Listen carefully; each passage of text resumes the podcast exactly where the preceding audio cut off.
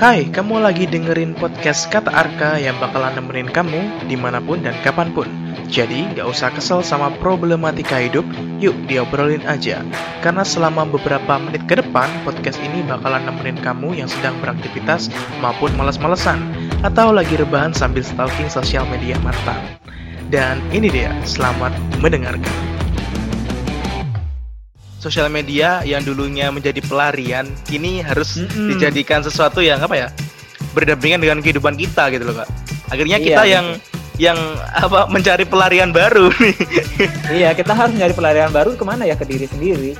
Terlalu idealis ketika uh, kita dapat satu ide kita harus selesaikan itu baru nyari ide dua itu terlalu kalau aku sih terlalu akhirnya merasa terlalu mengekang uh, kreativitasku, ide-ide yang harusnya banyak masuk, tapi uh, aku ter berkutat sama idealisku yang harus selesai dulu, nggak nggak nggak nggak boleh kayak gitu sih.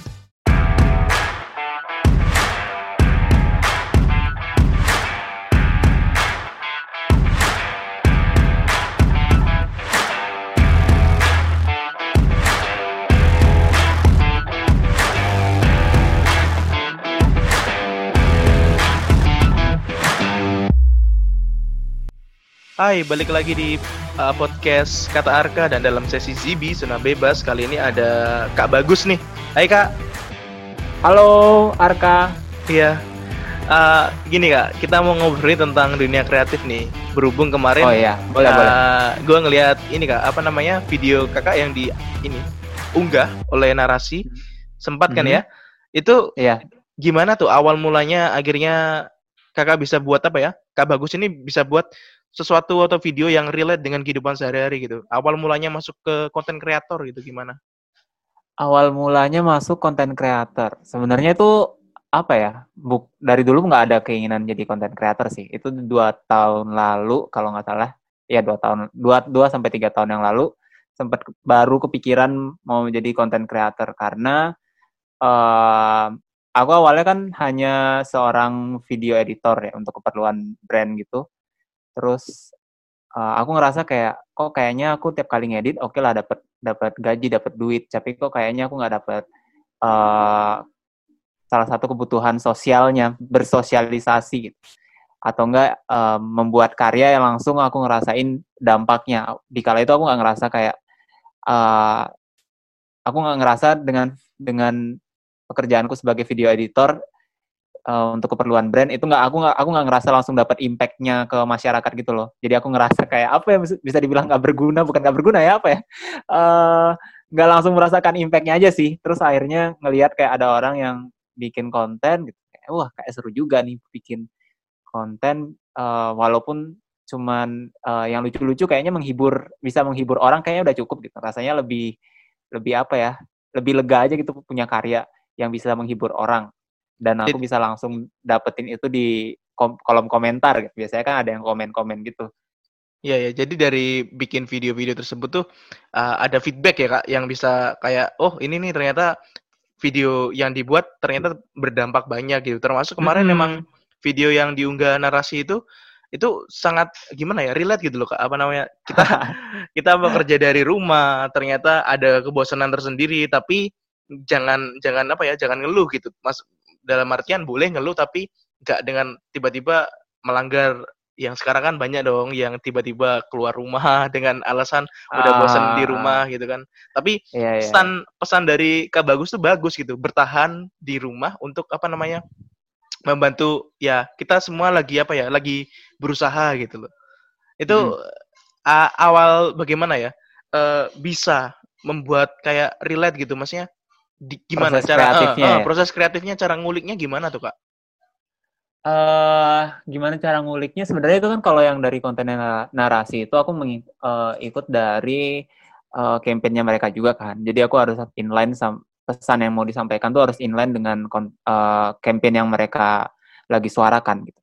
Karena kemarin tuh kalau nggak salah kan uh, apa ya nama kampanyenya aku lupa ada kebaikan gitu pokoknya. Jadi kayak menyebarkan kebaikan kayaknya uh, oke okay, inline di pesannya itu adalah menyebar kebaikan. Apa ya kira-kira yang bisa relate menyebar kebaikan di tengah pandemi? Uh, sudut pandangnya adalah seorang content creator. Gitu. Ya dari situ aku ngulik, tinggal ngulik apa yang aku rasain sih sebenarnya. Itu mungkin bisa dibilang murni curhat ya, murni curhat. Tapi uh, ada apa ya? Pernah nggak sih kalau kita tuh sering ada pemikiran negatif, tapi ada juga pemikiran positif kayak oh enggak enggak enggak, enggak gitu juga, semua orang juga lagi berusaha, modelnya kayak gitu. Iya iya. Jadi, jadi aku, ada bentrokan gitu ya kak. Tapi iya, jadi aku men jadi ide menerjemahkan, mm -mm, aku menerjemahkan semua unek-unek yang ada di kepalaku ke dalam sebuah ide, sebuah uh, ide dulu, aku kasih skripnya, terus aku rekaman, baru jadi video. Kurang lebih kayak gitu sih. Mungkin kalau yang kalau nanyanya proses kreatif yang narasi kemarin yang terakhir itu murni dari unek-unek pribadi sih. Jadi kayak uh, perbincangan antara pikiran negatif dan pikiran positif jadi kayak gitu. Tapi akhirnya menjadi sebuah karya yang menarik gitu, Kak. Iya, semoga memang menarik ya. Halo, namaku Bagus. Di video kali ini akan sedikit berbeda dan Bagus bakal cerita Perubahan terjadi secara masif tak terkecuali bagi orang-orang di bidang kreatif. Begitu pula bagi Bagus seorang content creator yang ngambil full time motion designer, job video editor, murid dari sekolah kursus juga, buset, banyak banget ya ternyata. Kegiatan yang gak biasa aku ceritakan di depan kamera. Dan sekarang terasa semakin susah ketika semua harus dilakukan di rumah. Dulu perbedaan tempat yang menjadikannya sekat, tapi kini semua dilakukan di satu tempat. Mungkin secara waktu menjadi lebih hemat, tapi secara mental rasanya nggak kuat. Ratusan notif WhatsApp penting makin lama bikin pening. Istirahat dengan tiduran tak lagi cukup hilangkan kebosanan. Tapi balik lagi, di tengah pandemi ini tiap orang pasti punya kesulitannya sendiri. Daripada keluhan bikin waktu dan energi terbuang, mending fokus untuk terus berjuang, menemukan kegiatan yang menyenangkan yang bisa membuat diri menjadi lebih tenang daripada cuma rebahan dan scrollingan. Karena sekarang, aku yakin semua orang juga sedang berjuang.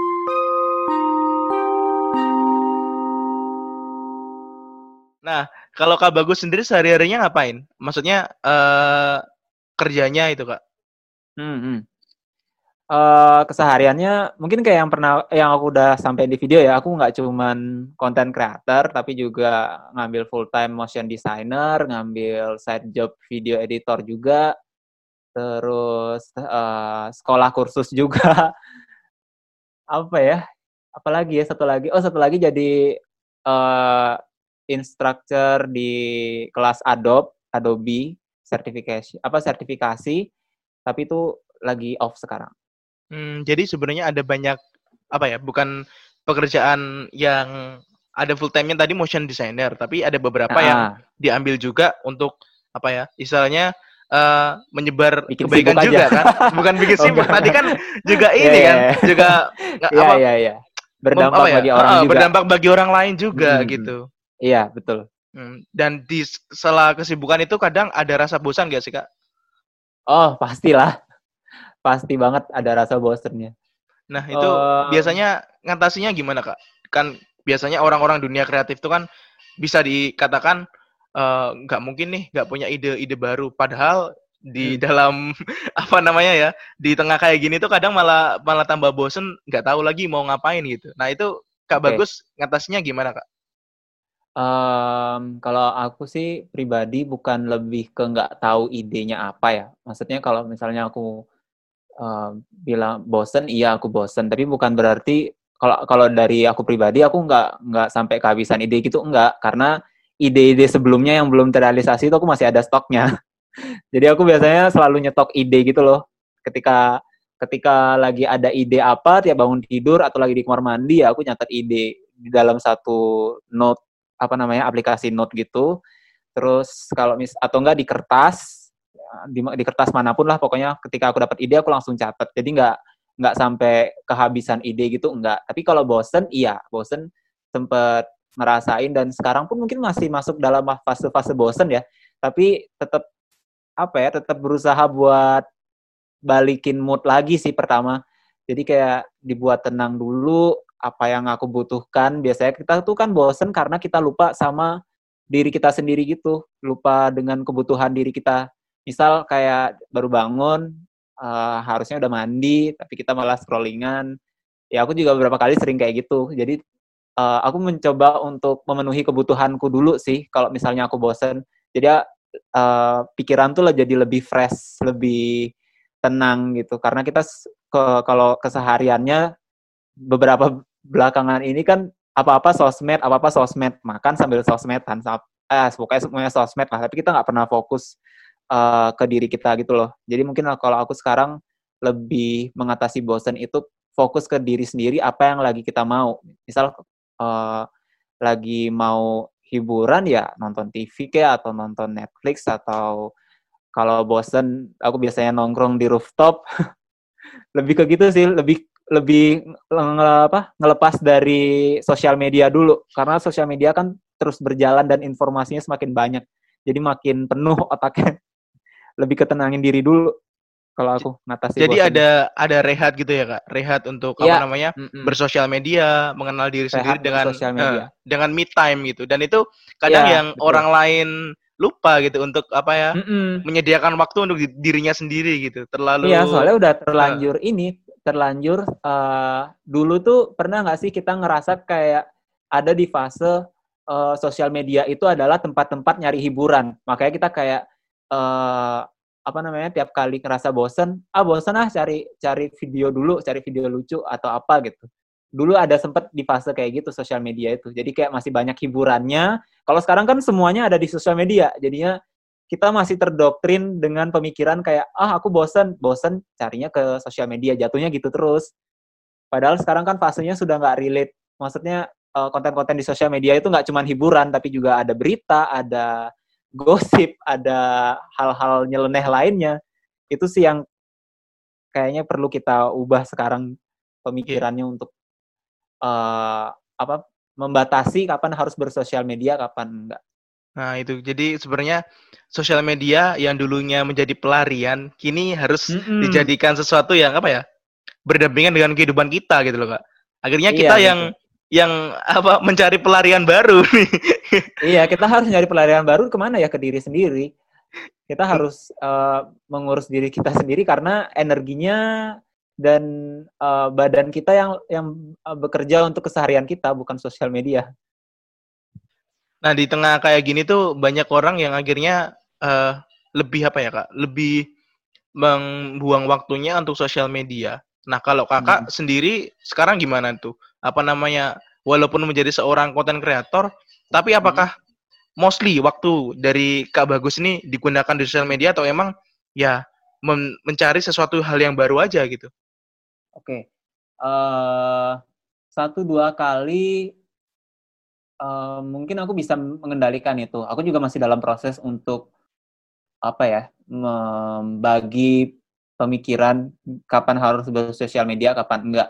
Kadang aku beberapa kali masih tetap kecolongan sosial media terus scrolling sampai lupa waktu tuh sempat beberapa kali terus uh, paling pengingatnya lebih ke tiap malam aku selalu nulis uh, to do list untuk besok jadi besok pas baru bangun aku tahu apa aja yang aku harus selesaikan gitu. Tapi ketika itu udah selesai aku mau sosial media nggak masalah. Lebih ke apa ya lebih ke ngatur lebih ke ngatur pola bukan ngatur pola ngatur kegiatan apa yang mau dilakukan di esok hari. Model lebih lebih ke sana sih. Jadi aku nggak nggak nggak apa ya nggak bablas nggak bablas HP-an nggak bablas lihat sosial media gitu. Jadi sebenarnya ada kayak note-nya gitu ya untuk mengingat gitu Iya ada. Uh, mm -hmm. ada ada sticky notes. Semacam apa ya wishlist apa gitu kak? Wishlist yang harus dilakukan dalam satu hari ini nih. Kita selesaiin dulu nanti untuk rehat-rehat setelah semuanya selesai gitu. Hmm, wishlist sih enggak ya, mungkin mungkin lebih ke daily activity kali ya. Uh, apa yang akan kan dilakukan pas, gitu ya? Iya, dulu kalau sekolah kan zaman-zaman sekolah disuruh tulis lah daily activity kalian dari seharian. Pernah nggak sih kayak gitu? Nggak pernah ya? Iya, pernah, pernah, pernah. pernah kok yang hari oh, apa pernah, pernah, apa pernah. disuruh apa dari bangun tidur sampai mau tidur tuh ya, apa aja gitu jamnya. kan. Ya sekarang itu itu yang aku lakuin. Jadi kayak awal aku harus mandi, mandi pun aku sticky notes karena sering sering apa ya sering kita lupa gitu kayak ya kita belum mandi loh kalau udah hp aja gitu jadi sesuatu hal yang uh, sesuatu hal yang harusnya udah dilakukan tapi karena terpaku apa ya aktivitas lain mungkin terutama sosmed mm -hmm. gitu ya sering kali lupa mm -hmm. gitu apalagi makan kadang yeah. gitu kan Iya betul. Sampai ada yang lupa makan hanya karena mantengin scroll apa namanya? Ada. Insta, Uh, uh, uh. Insta story atau ngelihat Iya. apa namanya? foto mantan. Aduh. Kalau ini Kak, apa namanya? Mencari ide kreatif. Paling mudahnya gimana sih? Kadang kan kita apa bukan kebingungan sih. Stuck gitu. Ada ada mencari ide kreatif, belum selesai nih idenya satu misal. Kita apa karena merasa bahwa satunya belum selesai dan nggak ada apa nggak bisa diterusin lagi itu kadang mencari ide-ide lagi gitu daripada Hmm. seperti itu kan kadang apa lebih baik mencari ide-ide yang apa mudah gitu nah kalau kakak Hmm. gimana biasanya tuh kak Hmm, oke. Kalau pemikirannya lebih ke kayak nyari ide satu, terus kalau belum diselesain nggak puas untuk nyari ide dua gitu ya berarti ya. eh iya sih dulu aku sempat berpikir kayak gitu juga sih. Cuman aku eh, ngerasanya makin lama kok pemikirannya semakin idealis ya. Maksudnya terlalu idealis ketika kita harus ketika eh, kita dapat satu ide, kita harus selesaikan itu baru nyari ide dua itu terlalu kalau aku sih terlalu akhirnya merasa terlalu mengekang eh, kreativitasku, mengekang ide-ide yang harusnya banyak masuk, tapi eh, aku ter- berkutat sama idealisku yang harus selesai dulu. Nggak, nggak, nggak, nggak boleh kayak gitu sih. Aku pernah ada di titik itu, cuman kalau sekarang eh, nggak lagi. Aku sekarang pemikirannya lebih ke kayak aku nemu ide, oke ide se- sedikit apa pun, tapi menurutku itu berharga, aku catat. Aku selalu catat walaupun itu aku nggak kerjain. Itu banyak banget di bank ideku itu eh, banyak ide-ide yang sebenarnya aku belum realisasikan. Faktornya banyak sih. Ada yang pertama faktornya waktunya nggak tepat. Ada faktor skillku belum mumpuni. Misalnya aku masih belum bisa buat efek yang kayak gitu, apa yang kayak aku pikirkan dalam ideku. Ya aku hold dulu. Aku masukin, aku tetap tulis, tapi eh, nggak aku detailin. Jadi nanti ketika aku ngerasa, oh aku bisa nih ngerjain ini, baru aku kerjain. Lebih ke kayak gitu sih. Mungkin kalau bisa dibilang aku lebih banyak punya tabungan idenya daripada yang udah aku eksekusi. tapi kan akhirnya menjadi pemacu gitu loh kak kalau ada yang kakak bilang tadi kak bagus bilang apa punya ide nih tapi apa kemampuanku belum mumpuni nah itu kan bisa menjadi Hmm. apa ya apa kayak oh aku berarti kalau mau mengeksekusi ide ini aku harus level up nih aku harus Iya, apa namanya Iya. Mm-mm. eh, berusaha untuk agar mendekati ide ini itu kan suatu hal yang Iya. positif kak Iya, bener banget, bener banget. Makanya sekarang aku nggak mau terlalu idealis sih, maksudnya nggak terlalu idealis untuk hal eh, dapat ide harus selesaikan itu nggak harus. Soalnya itu itu membe- memberatkan diri kita sendiri juga. Jadi kayak kita harus mengeluarkan banyak energi dulu untuk nyelesain satu ide gitu. Padahal kan ide lain masih ada yang ngantri buat masuk ke pikiran gitu. Aku sih ngerasanya kayak gitu. Kalau dalam dunia yang kakak geluti nih motion apa ya Hmm. tadi motion designer motion designer itu sebenarnya konteks kecilnya apa kak yang Konteks orang kecilnya. eh, maksudnya kayak ini orang biasanya taunya itu apa sesuatu hal seperti ini tapi padahal sebenarnya mungkin motion designer itu disalahartikan biasanya kan ada gitu dong kayak yang apa visual effect tapi orang apa Hmm. nganggapnya visual effect tuh yang cuma CGI gitu kan ada kan Hmm. padahal lebih luas Hmm. lagi. Nah, kalau motion designer ini gimana, Kak? Eh, kalau aku sih ruang lingkupnya motion designer itu bukan ke animasi dua dimensi juga ya, beda ya konteksnya. Kalau animasi dua dimensi itu kan lebih menggerakkan suatu karakter ya. Kalau eh, kalau dari aku sih motion designer ruang lingkup kerjaku lebih ke kayak menggerakkan desain yang sudah ada. Jadi misal desainnya ada banyak terdiri dari banyak shape, jadi aku gerakan shape-nya sesuai dengan eh apa ya kaidah-kaidah desainer sih. Maksudnya apakah keterbacaannya jelas? Apakah ketika aku menggerakkan ini terjadi distraksi jadinya pesannya nggak tersampaikan? Lebih ke kayak gitu. Lebih ke apa ya gimana merancang suatu video motion yang pesannya tetap tersampaikan sesuai dengan eh, objektif dari konten itu sendiri. Lebih ke ke situ sih. Hmm, jadi apa namanya? Ada ini ya, ada step-stepnya gitu ya, Kak. Ada ada tapi aku lebih ke tinggal mengeksekusi motionnya sih nggak langsung dari desain awal layout itu mungkin beberapa kali sempat ngerjain tapi nggak nggak semuanya aku kerjain tentang layout lebih ke motionnya aja gerakannya aja Hmm. Jadi selama ini udah ngerjain berapa project, Kak? Untuk apa namanya? Hal-hal seperti itu. Di di samping menjadi konten kreator ya? Hmm. Wah banyak sih kalau motion. Motion itu enggak enggak aku nggak ngitung sih banyak. Awal terjunnya deh kak, awal terjun ke tiba-tiba apa ke motion gitu. Kan kalau konten kreator tadi kan karena apa pengen apa ya berdampak gitu. Tapi kalau motion tuh gimana kak? Hmm, motion itu juga nggak sengaja sih sebenarnya. Jadi eh, awalnya itu aku dari konten creator itu kan, konten creator satu tahun aku fokusin di satu tahun pertama aku fokus konten creator.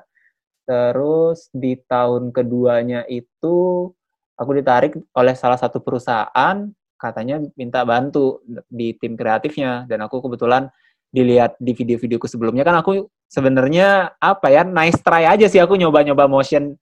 Kalau di video-video lama aku aku nambahin motion-motion pergerakan uh, apa ya istilahnya pergerakan tulisannya lah pergerakan tulisannya. Jadi kayak muncul pop pop up gitu di tulisan ya model-model kayak gitu aku nyoba-nyoba aja sih sebenarnya terus ternyata oke okay, gitu ya udah aku akhirnya bantu di sana di tim kreatifnya tapi lebih spesialisku lebih ke bagian motion designer gitu jadi sebenarnya tanpa sengaja. Dari, dari uh -uh. tanpa sengaja dari konten creator juga itu nariknya. Uh. Portofolio dari konten creator yang nggak sengaja bikin ada beberapa video yang bikin motion juga, dibikinin motion, terus ada perusahaan yang uh, tertarik. Akhirnya aku hmm. ditarik ke tim masuk ke tim kreatifnya dan kebetulan spesialisnya lebih ke uh, motion designer. Jadi sebenarnya dari konten kreator nih membuka jalan ke banyak hal gitu ya, Kak? eh, iya sih sebenarnya banyak banyak juga sih di belakang konten creator itu yang akhirnya aku jadi konten creator sekarang gitu itu banyak banget pekerjaan sebelumnya saling berkaitan nggak bisa nggak bisa ini nggak bisa salah satunya aja saling apa ya ibaratnya terkait tapi emang jalan apa benang merahnya tuh dari konten creator tadi hmm. atau emang kak bagus hmm. emang udah dari awal aja apa namanya udah punya apa ya achievement itu jadi kayak motion motion designer tuh sebelum konten konten kreator mungkin kak bagus sudah udah pernah memulai gitu. Jadi emang hmm, nggak juga sih. Nggak juga. aku dulu aku benci gerakin motion dulu. Pokoknya pokoknya sekarang tuh yang aku alamin apa yang aku benci dulu sekarang aku jadi suka. Ah, jadi kayak okay. apa ya aku uniknya mungkin itu ya. Soalnya dulu aku benci ngomong depan kamera tiba-tiba aku sekarang ngomong depan kamera. Aku dulu benci, aku dulu benci untuk ngemotion itu pasti temanku yang gerakin motionnya. Sekarang aku yang ngemotion uh, beberapa desain yang apa dari perusahaan. Terus dulu aku juga benci untuk apa ya dengar suara sendiri, tapi aku juga sempat jadi dubber juga di salah satu radio di Surabaya. Hmm, Terus aku ben, aku dulu benci juga sama stop motion, tapi sekarang temenan sama Aulion. Bayangin. jadi kayak uh, kalau udah temenan sama Olian nggak bisa aku nggak benci sama motion gitu eh, Pas, pasti aku suka sama motion sorry maksudnya gitu yeah, jadi yeah, sekarang yeah. kayak apa ya ya mungkin aku jadi lebih berhati-hati untuk aku benci terhadap sesuatu sih kalau sekarang. Yeah. itu kayak ini mungkin ya apa kayak yang biasanya dibilang benci untuk mencinta gitu kan. Waduh. Ya untuk passion nggak masalah lah ya. Iya uh, eh tapi berarti gimana tuh kak? Awalnya kan banyak orang juga gitu punya problem bahwa ah ini nih males nih mau ngomong ngomong di depan kamera nih. Terus habis itu ada yang juga yang yang seperti kakak tadi bilang biasanya benci sesuatu hal tapi ternyata uh, kakak bagus ini aja contohnya dari sesuatu yang hmm. dibenci tapi ternyata akhirnya juga menjadi sesuatu hal yang bagus gitu kak hmm. gimana tuh kak um, kalau aku sih dulu lebih ke apa ya? Lebih mungkin lebih ke hati-hati dari ucapan yang kita lontarkan kali ya. Jadi kayak semacam apa ya? Semacam kayak oh, aku benci nih sama stop motion gitu.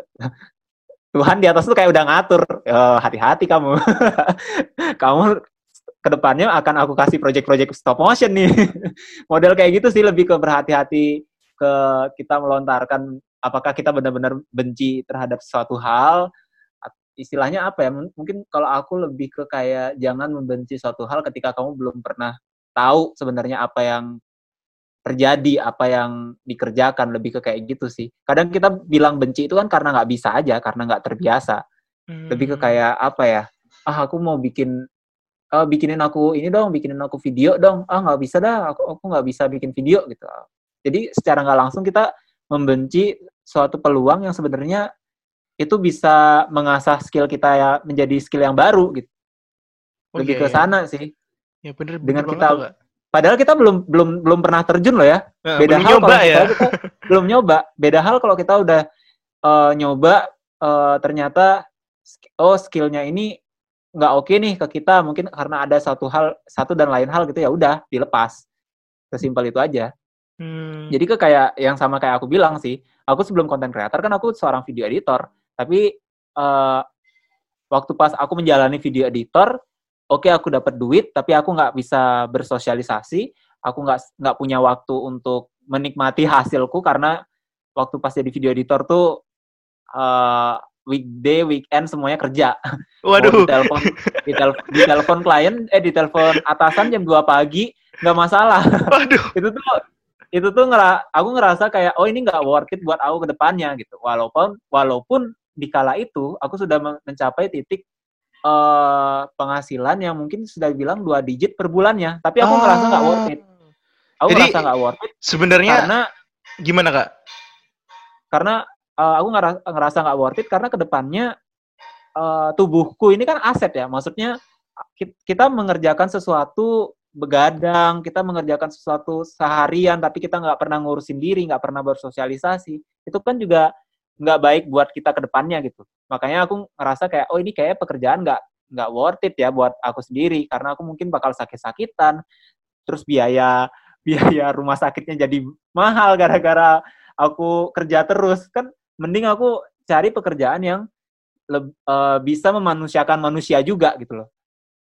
Makanya aku lebih ke sana arahnya. Mungkin waktu itu eh, aku yang belum bisa membagi waktu. Tapi ada kok beberapa video editor yang bisa eh, apa ya mengatur projectnya. Mungkin kala itu aku belum bisa ngatur projectnya dengan benar jadinya aku ngerasa kayak oh ini nggak worth it akhirnya aku pindah ke content creator. Tapi aku eh, content creator karena ada dampak sosialnya itu sendiri sih yang kayak aku jelasin di awal. Makanya eh, aku terusin di content creatornya. Lebih ke situ sih. Oh, tapi keren banget tuh kak. Berarti kak Bagus sudah berpikiran ke depan banget. Kalau apa menghargai apa tubuh kak Bagus juga kan? Apa kalau diporsir harus terus-terusan, Uh-uh. ternyata apa toh kalau uangnya sebanyak apa pun, tapi kalau uangnya habis untuk biaya pengobatan juga percuma gitu kan? Iya, percuma uh-uh. Jadi kan kadang orang apa nge-pursue atau apa ya ngejar sesuatu tapi dia lupa bahwa Hmm. untuk nge-backup apa yang udah dia milikin gitu kan. Iya kan? Mengejar Betul, mengejar betul banget. sesuatu tapi lupa bersyukur atas apa yang dia miliki gitu. Mm-mm. Ini sangat bagus nih Kak. Jadi Kak Bagus sudah melepaskan sesuatu apa ya yang udah apa jelas-jelas gitu loh.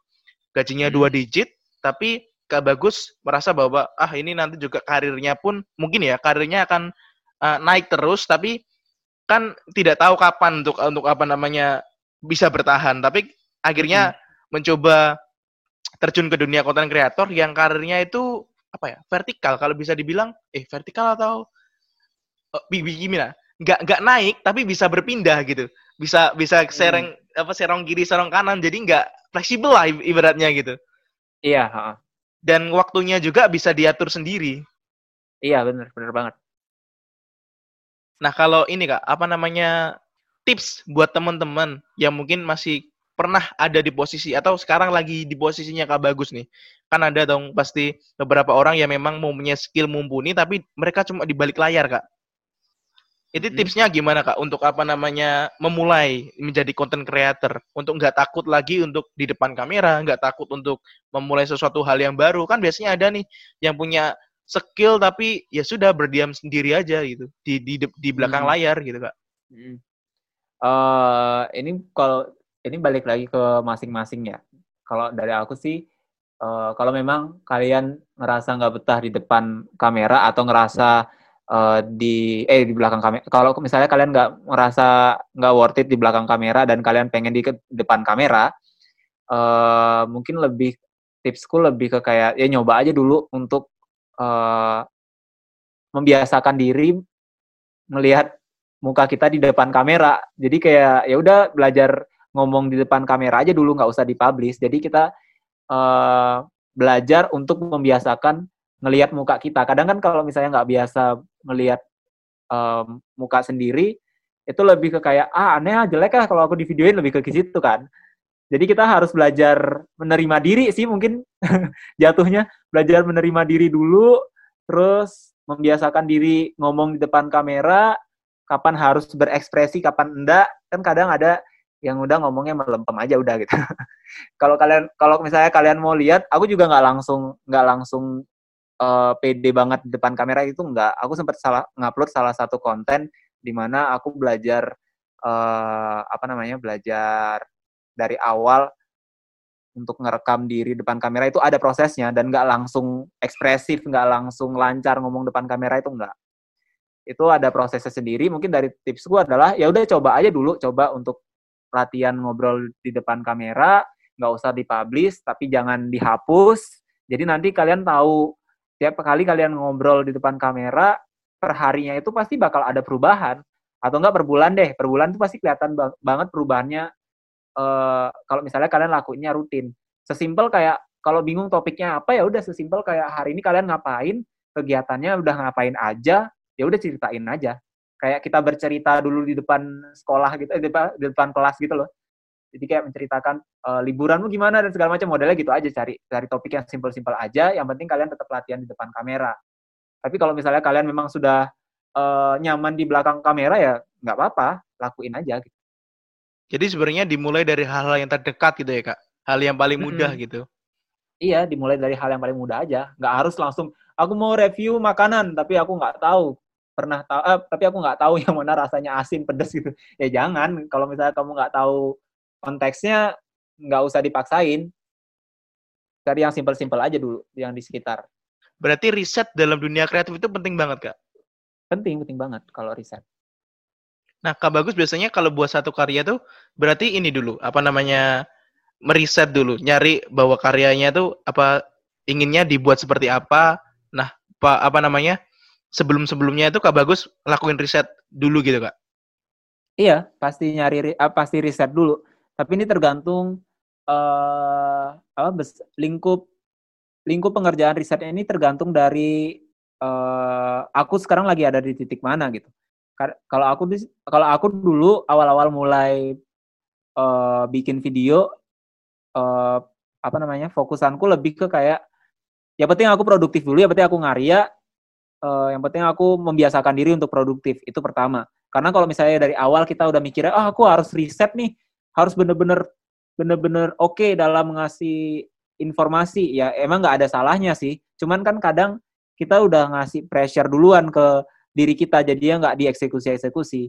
Mungkin kalau mau mau amannya sih ya udah eksekusi video yang mudah-mudah dulu. Yang penting kita terbiasa untuk produktif. Setelah kita terbiasa untuk produktif, ya silahkan mau riset sampai uh, detail pun nggak masalah. Tapi kalau aku sekarang sih aku risetnya bener-bener riset sih. Jadi kayak apakah uh, ketika aku menggunakan kosakata ini orang bakal paham atau enggak? Itu tuh aku biasanya kalau akhir-akhir ini konten-konten yang sebelum aku publish aku kasih dulu previewnya ke teman-teman terdekat. Aku nanya pendapat mereka dulu. Kamu dapat nggak maksudnya objektif pesannya tersampaikan nggak? Aku aku pernah jelasin itu di salah satu proses video yang kolaborasi netizen, eh, kolaborasi perasaan. Itu ada uh, prosesnya. Jadi aku ngasih apa namanya? Aku minta feedback ke teman-temanku dulu. Setelah dirasa oke, okay, atau misalnya ada beberapa kesalahan minor yang menurutku nggak perlu diperbaiki ya udah gue aja gitu. Hmm, berarti sebenarnya apa namanya prosesnya tuh nggak apa dari sebuah karya prosesnya panjang dan ketika apa karya itu dilempar itu sudah melalui apa ya pemikiran yang benar-benar matang gitu ya kak? Iya, memang prosesnya panjang karena sebelum-sebelumnya uh, prosesku nggak sepanjang ini. Jadi kayak aku mulai mengupgrade-nya pelan-pelan gitu loh.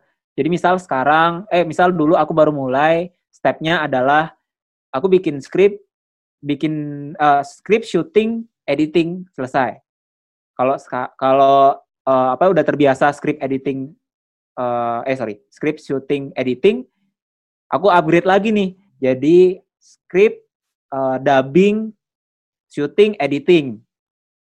Terus udah terbiasa dengan proses yang itu, aku aku upgrade lagi dari script, uh, dubbing, eh sorry, dari se, dari riset, uh, script, terus uh, dubbing, baru syuting, baru editing. Jadi kayak perlahan aku naikin standarnya, perlahan aku naikin standarnya. Nggak nggak harus dari awal langsung banyak gitu ya, matilah. bener bener bener kak, bener kak. Berarti emang pelan -pelan semuanya pelan pelan, tapi level up dari diri kita sendiri aja berarti. Menakarnya, yeah. uh, menakarnya dari dari apa yang udah kita tahu gitu kak, mungkin kak. Mm -hmm. Menakarnya dari diri kita sendiri, jangan patokannya ke orang lain, jangan membandingkan diri dengan orang lain, jangan dibandingin kalian juga jangan bandingin ke prosesku sekarang ya pusing lah kalian kalau baru mulai langsung ngikutin prosesku aku sendiri kalau dulu disuruh langsung kayak gini ya pusing sih males aku jadi content creator belum apa apa udah capek jadi banyak orang mungkin apa ya melihat seseorang tuh udah udah jadinya gitu kak melihat kak bagus oh iya. kak bagus sekarang udah kayak gini nih gitu padahal hmm. lupa bahwa sebenarnya proses menuju kak bagusnya sekarang itu atau seseorang yang udah apa ya mencapai apa ya mem, titik tertentu. Mem, uh, titik tertentu itu ada ada ininya, ada proses panjangnya ada prosesnya. itu. Hmm. Kebanyakan memang Mungkin lebih ke gini aja ya? sih. Kalau misalnya kalian ngerasa uh, apa namanya? Terus aku harus berada di prosesnya seperti apa nih? Kalian lakuin apa yang kalian seneng aja, kalau apa yang kalian nyaman gitu. Mungkin di awal ngerasa ngomong di depan kamera nggak nyaman, cuman lama kelamaan kan terbiasa ya. Atau mungkin uh, lakukan pekerjaan yang menurut kalian nggak terlalu berat misal prosesnya ah shoot apa namanya aku harus editing nih ribet nih gimana ya caranya? Aku lagi lagi apa namanya nggak nyaman nih ngerjain editing gitu. Ya udah kan ada TikTok. Banyak banget ininya banyak banget sekarang fasilitasnya yang bisa diakalin. Nggak harus uh, apa ya nggak harus bisa skill editing bagus sih. Tahu di TikTok sekarang efeknya banyak banget kan. Mau nggak perlu green screen udah ada efek green screen. Jadi kayak sesimpel itu aja. Nggak harus dipikir ribet. Laku lakukan apa yang menurut kalian nyaman di titik sekarang ya nanti kalau misalnya kalian sudah ngerasa terbiasa ya udah silakan di upgrade bener kak. Berarti kan apa namanya membuat sebuah karya tuh nggak harus nunggu lu apa ada di titik tertentu tapi memulai aja yang dari apa ya mm -hmm. dari sesuatu yang mudah gitu. Termasuk yang apa saran kak bagus tadi kalau emang apa sulit coba dari TikTok dulu gitu kan. Tapi kalau TikTok sekarang itu kan kebanyakan ya ya mungkin ya kebanyakan ya. Walaupun banyak konten kreatornya juga di sana ada yang effort gitu ya. Kebanyakan hmm. hanya joget-joget gitu dan lain sebagainya. Hmm. yang itu akhirnya akhirnya apa ya? Mengkaburkan beberapa akun yang kreatif gitu. Ada kan yang apa bikin stop motion juga di di TikTok itu. Ada yang hmm. kadang bikin sesuatu hal yang keren tapi akhirnya terkaburkan oleh beberapa expose yang ke hal-hal yang konotasinya mungkin kurang kreatif gitu. Bukan kurang kreatif oh. sih. Kadang kan begitu, Kak. Oh, kalau kalau aku sih lebih ke gini ya. Kalau kita ngomonginnya TikTok, algoritma TikTok itu kan sebenarnya tergantung dari user. Wah, ini ngomongnya beda lagi ya. Uh, Gak apa-apa. Kalau algor kalau TikTok itu kan algoritmanya adalah uh, berdasarkan user masing-masing. Jadi ketika hmm. kamu ngelihat ketika kamu ngelihat ada konten video joget kalau kamu nggak suka ya kan ada apa namanya ada pilihan not interested. Ketika ah. udah mencet not ah. interested, itu nggak bakal keluar lagi konten-konten semacam itu. Yeah, yeah, Kebetulan yeah, yeah. kalau yang di di apa namanya di for you atau home-nya TikTok itu di TikTokku sendiri kebetulan sih yang lewat-lewat kebanyakan konten komedi semua sih karena hmm. aku interestednya di situ. Aku like konten uh, yang komedi tapi yang konten yang joget-joget yang nggak ada maksudnya dan aku tidak tertarik ya aku not interested biasanya. Ya, Jadi mereka yang... udah udah udah, udah ngatur, tahu gitu. Udah ngatur sendiri. Hmm. Itu yang kadang orang apa lupa apa bukan lupa ya, kurang tahu untuk apa bagaimana cara menyingkirkan konten yang tidak disukai gitu ya. Mm, ya udah tinggal buat fokus ke konten diri sendiri aja buat iya. lihat lihat beberapa efek yang bisa digunakan digunakan untuk konten pribadi sih. Kalau aku sih lebih ke situ aja. Ya ya. Terima kasih ya Kak udah datang di podcast Kata Arka udah bagi-bagi apa ya pengalamannya juga terus habis itu ya. ngasih tips ini tadi. Iya, terima kasih juga Arka udah undang ke podcastnya.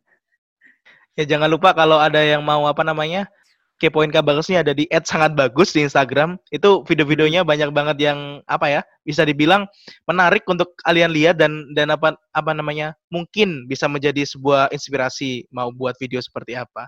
Ya udah Kak Bagus, terima kasih. Semoga harinya menyenangkan. Semoga apa namanya? pandemi ini juga segera berakhir biar kita bisa hmm. lebih kreatif lagi dan apa? bisa membuat apa ya? konten di luar ruangan biar tidak stuck di, di dalam ruangan gitu kan ya. Thank you Kak Bagus, bye. Ya, bye Arka.